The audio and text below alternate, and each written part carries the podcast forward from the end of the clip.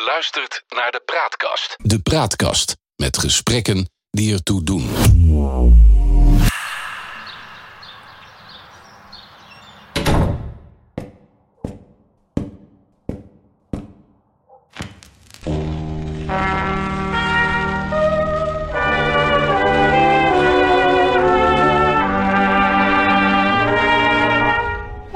Aan de houding waarmee hij uitstapte was te zien dat hij ergens mee zat.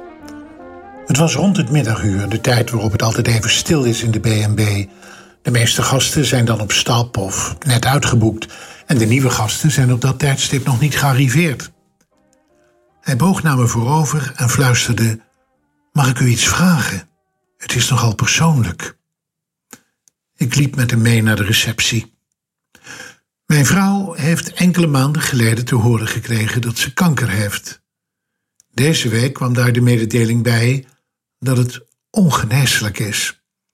Lopen gaat moeilijk. We hadden graag nog een keertje een reis naar het buitenland gemaakt, maar dat is nu veel te vermoeiend voor haar. Ik voelde meteen een enorm medeleven. We wonen hier vlak in de buurt. We zagen de B&B op televisie, maar dit is toch ook vakantie? Wilt u de kamers even zien? Hij liep vol belangstelling met me mee. Prachtig. Komend weekend zou ik mevrouw willen verrassen. Ze was helemaal verrukt bij het zien van de televisiebeelden. Wat leuk. Heeft u nog een kamer vrij voor het komend weekend? Ja, dat is lastig, zeker als u twee nachten wilt blijven. Maar in dit geval ga ik proberen wat mensen te verschuiven. Fijn, zei de man. En er is nog iets. Dit weekend zouden we onze vrienden, goede kennis en familie willen uitnodigen om ze het slechte nieuws persoonlijk te kunnen vertellen. Eerst dachten we dat thuis te doen, maar dat is niet zo handig. We wonen in een klein appartement voor senioren en het wordt de komende dagen erg warm. Zulke zaken wil je toch niet in een klein appartementje of op een balkonnetje in de bloedhete zon bespreken. Hij stopte even.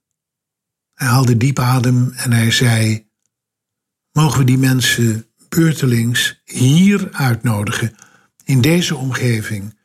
Dat is voor mevrouw en mij een stuk prettiger dan bij ons thuis. We zorgen ervoor dat jullie een kamer hebben en jullie gasten zijn meer dan welkom.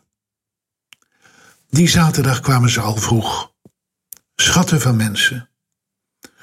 Ze was, ook tegen de andere gasten, heel open over haar situatie, maar klaagde geen moment. Integendeel, met haar humor zorgde ze juist voor een uiterst ontspannen sfeer.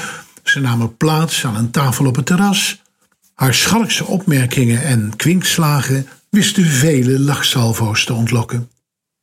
Het echtpaar genoot met volle teugen van de natuur, van de medebezoekers en van elkaar. Ze ontvingen dat weekend veel vrienden, familieleden en bekenden. De gezichten van die bezoekers stonden bedrukter dan het gezicht van de vrouw. Steeds weer was zij het die de wisselende gasten probeerde te troosten. Gisteren ontvingen we een rouwkaart. Dan ben je stil. Heel stil. Toch zal ik dit stel nooit vergeten. Deze krachtige, moedige vrouw zal nog lang blijven voortleven. In elk geval in mij.